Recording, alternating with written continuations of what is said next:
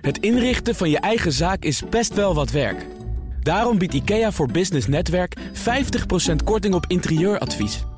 Word gratis lid en laat je werkplek voor je werken.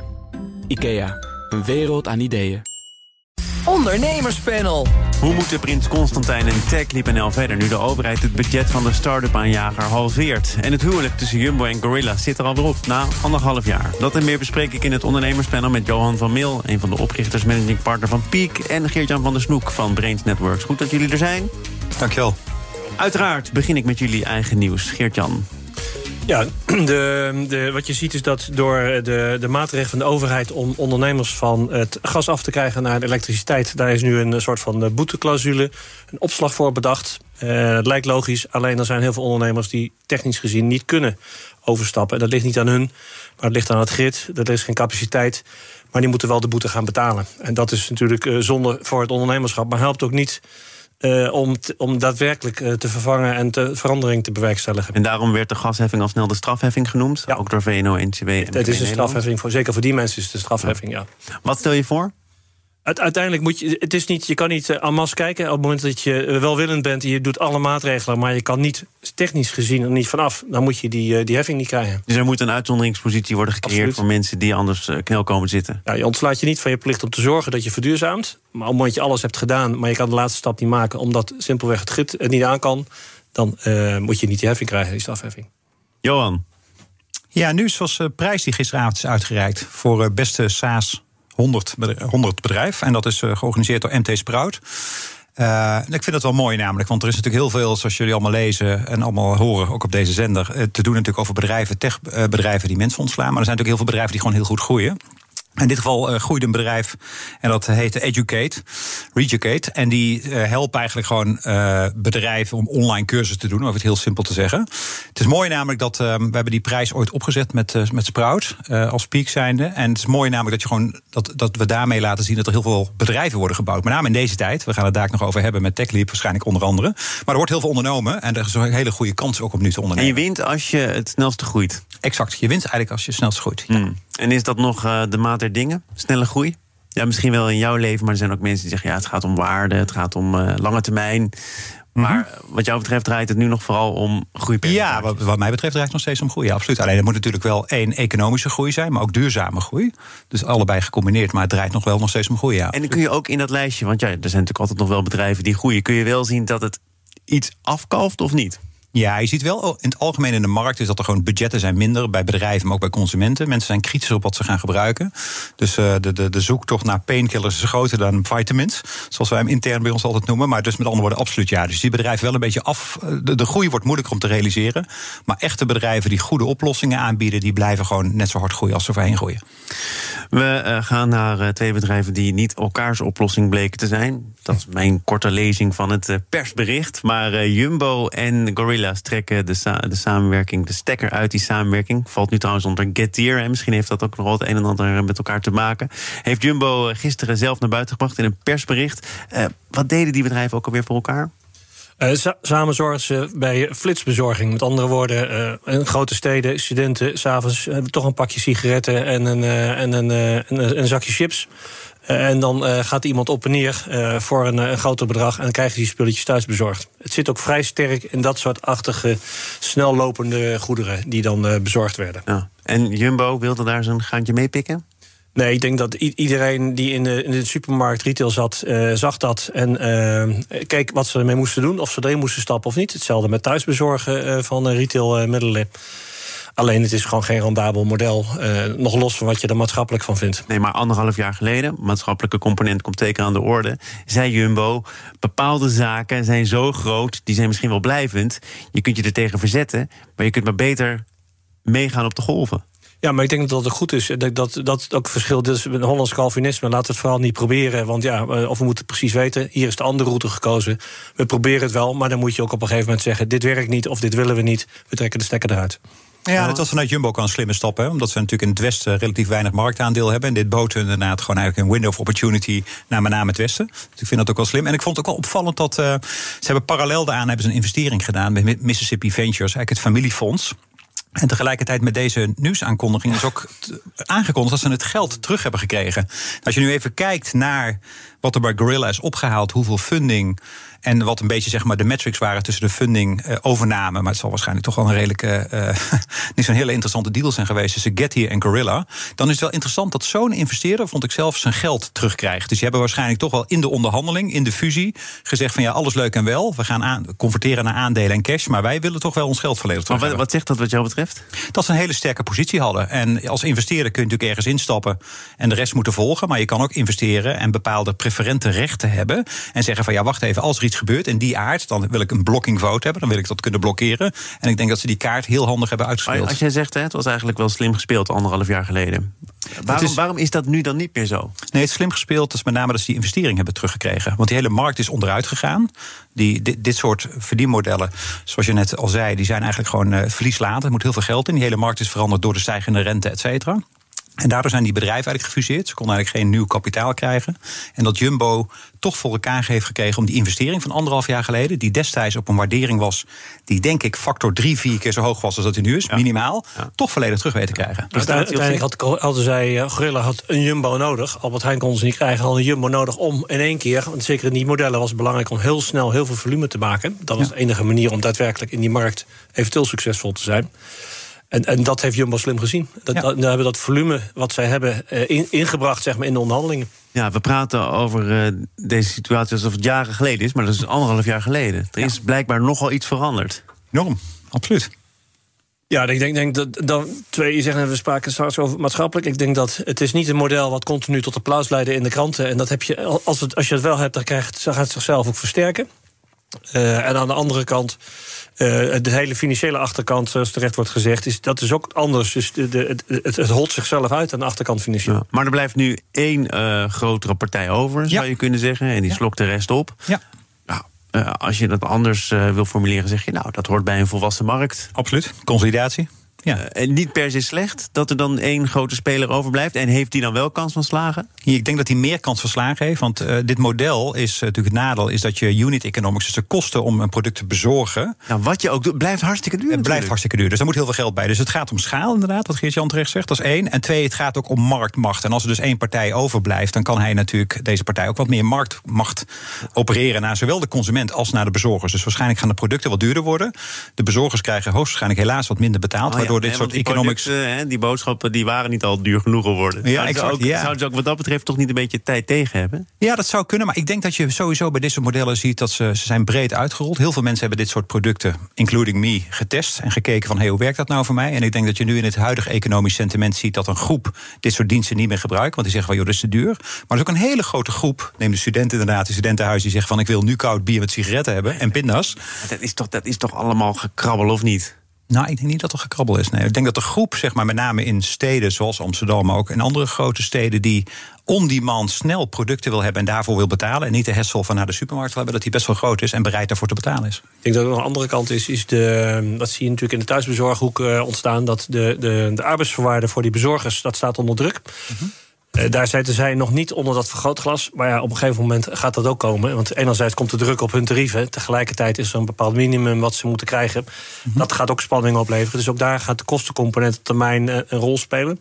Derde is de bekende uh, dichtgeplakte winkelruiten, zoals ze het noemen, van de verzamellocaties. daar zit ook weer druk op. Dus ze hebben op, op in de distributie en in hun, uh, hun, uh, hun menskracht die erin zit, uh, best wel uitdagingen. Nog ja, los van of de vraag is. Die, die, die afgeplakte winkelruiten.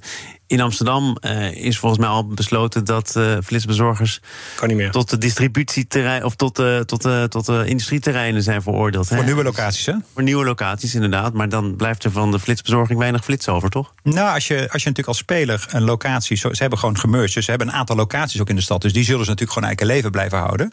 En daar lopen gewoon huurcontracten voor, et cetera. Dus zolang zal dat niet veranderen. Dus ik denk dat het best wel een tijdje duurt voordat dit probleem in de binnensteden is opgelost. We gaan naar uh, andere problemen voor uh, TechLeap.nl en of die nog opgelost moeten worden. BNR Nieuwsradio. Zaken doen. Thomas van Zeil. Johan van Mil en Geert-Jan van der Snoek zijn de leden van het ondernemerspanel. Start-up aanjaagprogramma Tech NL met Prins Constantijn als boegbeeld gaat op zoek naar geld uit het bedrijfsleven, meldde het ANP eerder deze week. Begin deze maand werd het budget van Tech gehalveerd door minister Adriaansens van Economische Zaken.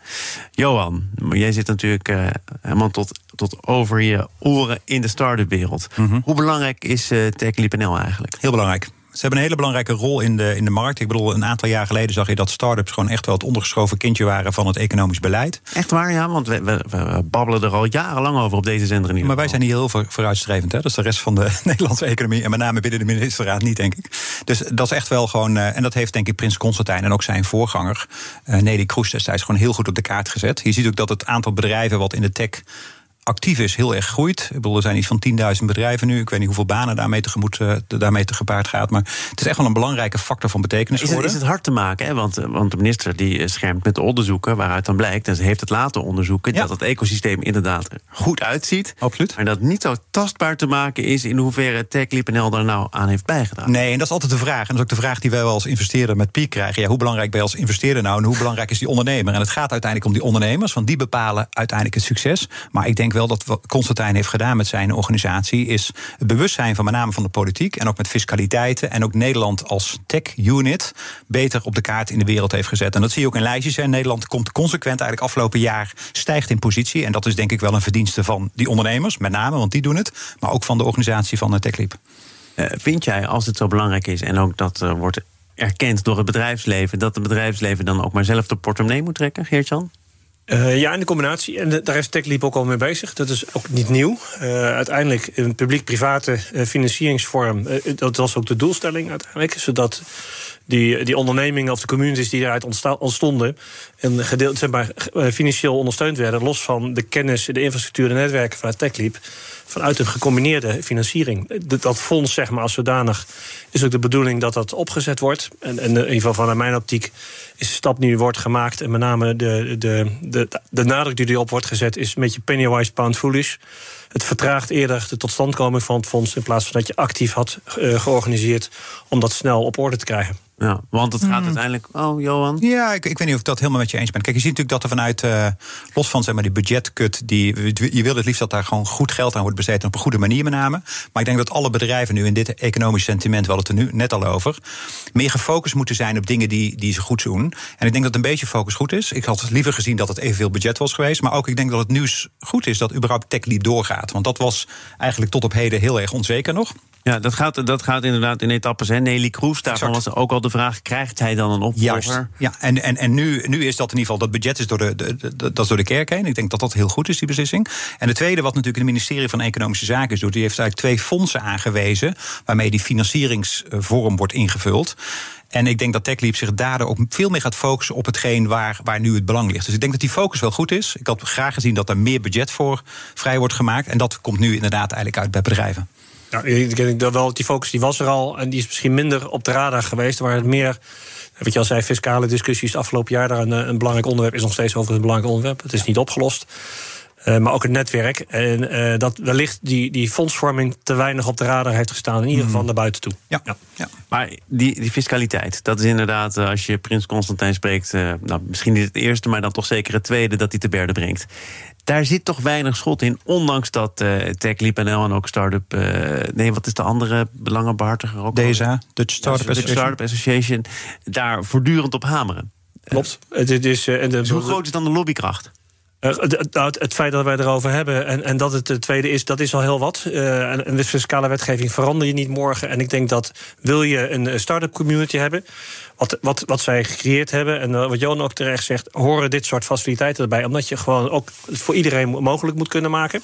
En wil je als Nederland het land blijven waar je start-up venture uh, aspiraties duidelijk laat zien, moet je ook, ook mogelijk maken dat mensen voor je kunnen werken. Als ik dan het zijstapje pak, bijvoorbeeld naar Israël, wat ook een Tel Aviv een enorme venture capital community heeft, die faciliteert maximaal waar je vandaan komt in de wereld om die industrie het volgende stapje te laten maken, om, die, om het de kans te geven. En die, die slagkracht, die zie je op dit moment nog niet bij onze overheid.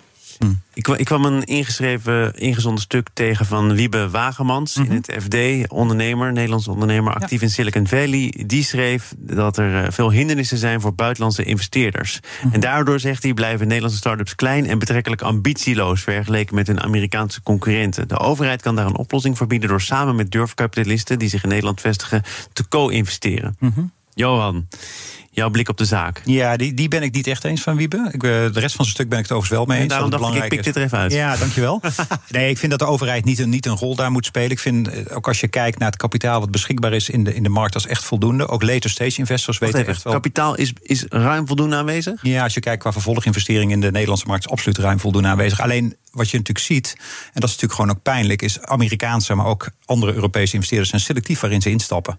Maar ik denk dat er echt voldoende kapitaal in de markt is. Ja, ik denk niet dat we meer kapitaal, even aan de groeikant, ook eh, nodig hebben in Nederland. Er zijn meer dan voldoende fondsen in Nederland, maar met name ook daarbuiten, die gewoon in Nederlandse bedrijven investeren. Kijk naar, ik bedoel, Nederland kent nu tien unicorns.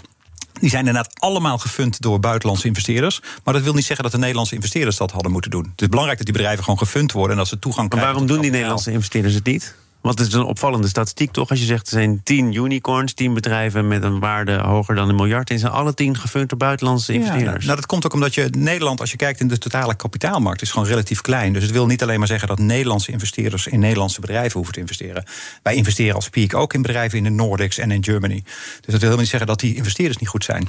Het heeft er denk ik mee te maken, gewoon heel duidelijk, dat die bedrijven die hebben toegang tot kapitaal. En een van de functies die TechLeap heeft, en ze hebben een aantal hele goede programma's met Strize en Bolt, eh, Rise sorry, en Bolt, doen ze hele goede dingen. Maar ik denk aan die kapitaalkant, daar moet niks gebeuren aan die kant, maar we- wel aan de deep tech kant. En daar ligt nu ook bij TechLeap een belangrijke focus om zeg maar, met name kennisintensieve organisaties en producten die een lange ontwikkeltijd hebben, zoals weet je, batterijen en andere hardware-achtige producten of echt kennisintensieve producten, om die te helpen. En daar ligt een kapitaalprobleem, maar niet zozeer aan die groeikant. Ja, ik denk de combinatie een beetje is. En de- daarin, daarin de, kunnen zij, eh, door, de, door die co-financiering met de overheid... kun je in bepaalde richtingen makkelijker investeren... die misschien voor een, een, een, een logische venture capitalist minder logisch zijn. Daar hebben we toch al InvestNL voor om bepaalde bedrijven. Daar zijn de tickets, eh, de, de tickets van InvestNL zijn veel groter. Ik zit op een fonds van InvestNL. Dat is echt veel grotere tickets moet je daar uitgeven... dan, dan waar we het hier over hebben. Die komen niet, eh, niet in beeld. En dat is natuurlijk ook een, eh, een, een, een, eh, een eeuwige vraag. Is, want je zou eigenlijk op een of andere manier... en misschien wordt dat wel een route... een stuk van dat kapitaal vrij kunnen maken... zodat je dat in kleinere tickets eh, kan uitgeven aan deze bedrijven. Maar dat- die, dat geld kan alleen maar in grote, grote stukken weg. Ja, of het wordt geïnvesteerd natuurlijk via RVO. Hè. Dat is natuurlijk een seed starterregeling, seed fondsregeling die mee investeert met andere fondsen. Ja. Ik denk alleen dat het zelf essentieel is dat de overheid niet een actieve rol gaat spelen op die kapitaalmarkt. Dat lijkt mij niet heel wenselijk. Zeker als er voldoende kapitaal is, dan krijg je eigenlijk gewoon inflatie. Door, door een overheid in, in die kapitaalmarkt waar geen noodzaak is. Tenzij deep tech, inderdaad, terecht, terecht wat je zegt, en kennisintensieve dingen. En dan samen met andere spelers. Dat lijkt me op zich een logische oplossing. Even, dit, even iets mogelijk maken wat normaal gesproken net niet kan. Ik Ja. zit zelf ook in, eh, in stikstof en, eh, en waterstof in die hoek. Met name ook stikstof ingewikkeld. Die de stikstof mogelijk te maken. Even een stapje, even een stapje naar de stikstofinnovatie Oh, eh, mogelijk te maken. Ja.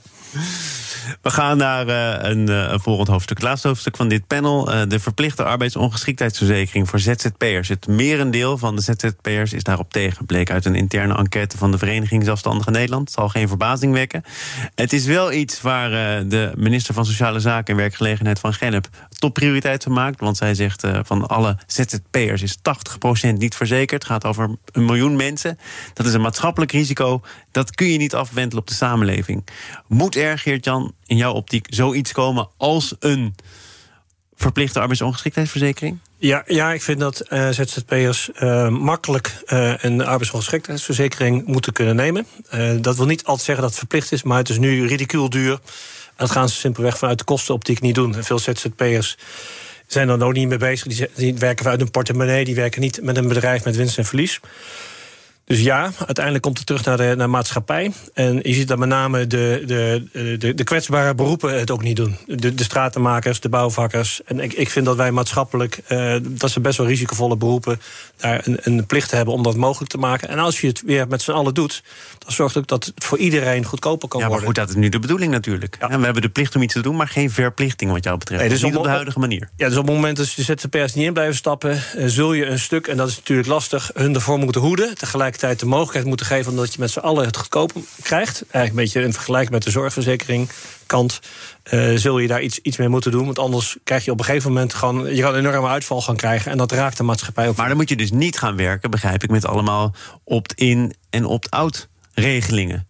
dat, Want dat, dat, dat, maakt het dus. allemaal, dat maakt het allemaal duurder en ingewikkelder. En wat minder collectief. Ja, en verzekeringstechnisch wil dat dus niet zeggen dat het ermee goedkoper wordt. Want het is niet voorspelbaar op die manier. Dus voor de verzekeraar die, die moet gaan financieren en die het goedkoper wil gaan krijgen, die wil weten wat voor een volume erin zit.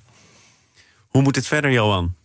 Ja, ik twijfel hierover over dit onderwerp. Want enerzijds denk ik, ondernemers moet je niks verplicht stellen. Aan de andere kant ben ik het helemaal met je eens over die maatschappelijke kosten. Er zijn ook heel veel oplossingen nu. Hè. Er zijn heel veel ondernemers die hier uh, organiseren dit zelf met broodfondsen en, en allerlei andere dingen. Volgens mij zou je dit eigenlijk breed moeten oplossen. Veel breder uh, uh, in de, qua werkgevers en werknemers eigenlijk moeten oplossen. Dus niet alleen voor de ZZP'ers moeten stellen, maar ook tegelijkertijd voor werknemers. Ja. Daar maak je dat risico nog uh, overzichtelijker. Dus wordt de premie dus, nog lager. Ja. Maar dan zorg je er eigenlijk voor dat deze verzekering eigenlijk gelijk wordt vertrokken voor iedereen. Zeker voor deze beroepen, beroepen die jij omschrijft. Want het risico bij die mensen is heel groot. Het zou heel sneu zijn als inderdaad dat een enorme last gaat geven op de maatschappij. Maar met name ook voor die mensen zelf. Dus regel dat misschien op die manier. Dus en los van contractvorm, zorg gewoon dat alle werkenden kunnen rekenen op een bepaalde verzekering. Oh, maar wel met een opt-out. Ja, wel met een opt-out. Dat zou ik wel doen. Ja. Voor als je het op een andere manier wil regelen. Ja. Ja, of, of je kan, het zit alweer toch in de, in de hoek van, ik zit mee te denken, in de, in de hoek van de basisverzekering-achtige ideeën. Ja. Dat je een soort van minimum altijd hebt. En dat je dan kan doorklikken, uh, zeg maar, voor meer. Ja, want zo'n zo'n verzekering is gewoon heel duur voor heel veel mensen. Met name in de beroepen die. Uh, ja. Ja, en als je ooit in het verleden eens een keertje iets onder de leden hebt gehad, ja, wordt het nog onmogelijk. Dan, ja. ja. Uh, nou is er nog wel een belangrijke rol weggelegd voor het UWV. Hè? Uh, die hebben al gezegd, uh, wij komen zoveel keuringsartsen tekort. Er zijn nu al enorme achterstanden. En dan krijgen we dit misschien ook nog op ons bordje. Het is mm. praktisch onhaalbaar. denk je dat het, gezien het protest dat er komt vanuit de hoek van de zelfstandigen, überhaupt politiek erdoor komt? Ja, dat zijn twee vragen in één. Ik denk dat het, wat de UWV zegt, uh, dit is maakbaar. En, en, misschien niet als je het op deze manier inricht, zoals je nu bent georganiseerd, et cetera. Met die, met die uh, basisverzekeringen gaat het ook goed. Als je, het, je moet het in een bestaand proces zien te gieten. En misschien moet je wel over de zorgkant draaien. En niet, niet over, over de, de sociale kant draaien. Er zit er meer dynamiek. Uh, er zijn ook heel veel gewoon commerciële bedrijven die, die het kunnen keuren. Dat is, dat is helemaal niet erg. of de politiek, vanuit de politiek het niet doen, is denk ik politiek niet haalbaar. Dus het komt erdoor? Een variant zal doorkomen of het wordt weer doorgesluist naar volgend jaar, et Oh ja, dat komt ook wel eens voor. Johan van Mil van Piek was er. Dank daarvoor. En Geert-Jan van der Snoek van Brains Networks. Goed dat je er was. Tot een volgende keer. Dit panel is te beluisteren als podcast. Het is daar al een enorme hit, maar meer luisteraars zijn altijd welkom. Dus uh, kies eh, op je favoriet kanaal of via de BNR-app voor het ondernemerspanel. Straks wordt er gepitcht door twee jonge start-ups. Ook veel goede ambitie. Blijf luisteren. Als ondernemer hoef je niet te besparen op je werkplek. Want IKEA voor Business Netwerk biedt korting op verschillende IKEA-producten. Word gratis lid en laat je werkplek voor je werken. IKEA, een wereld aan ideeën.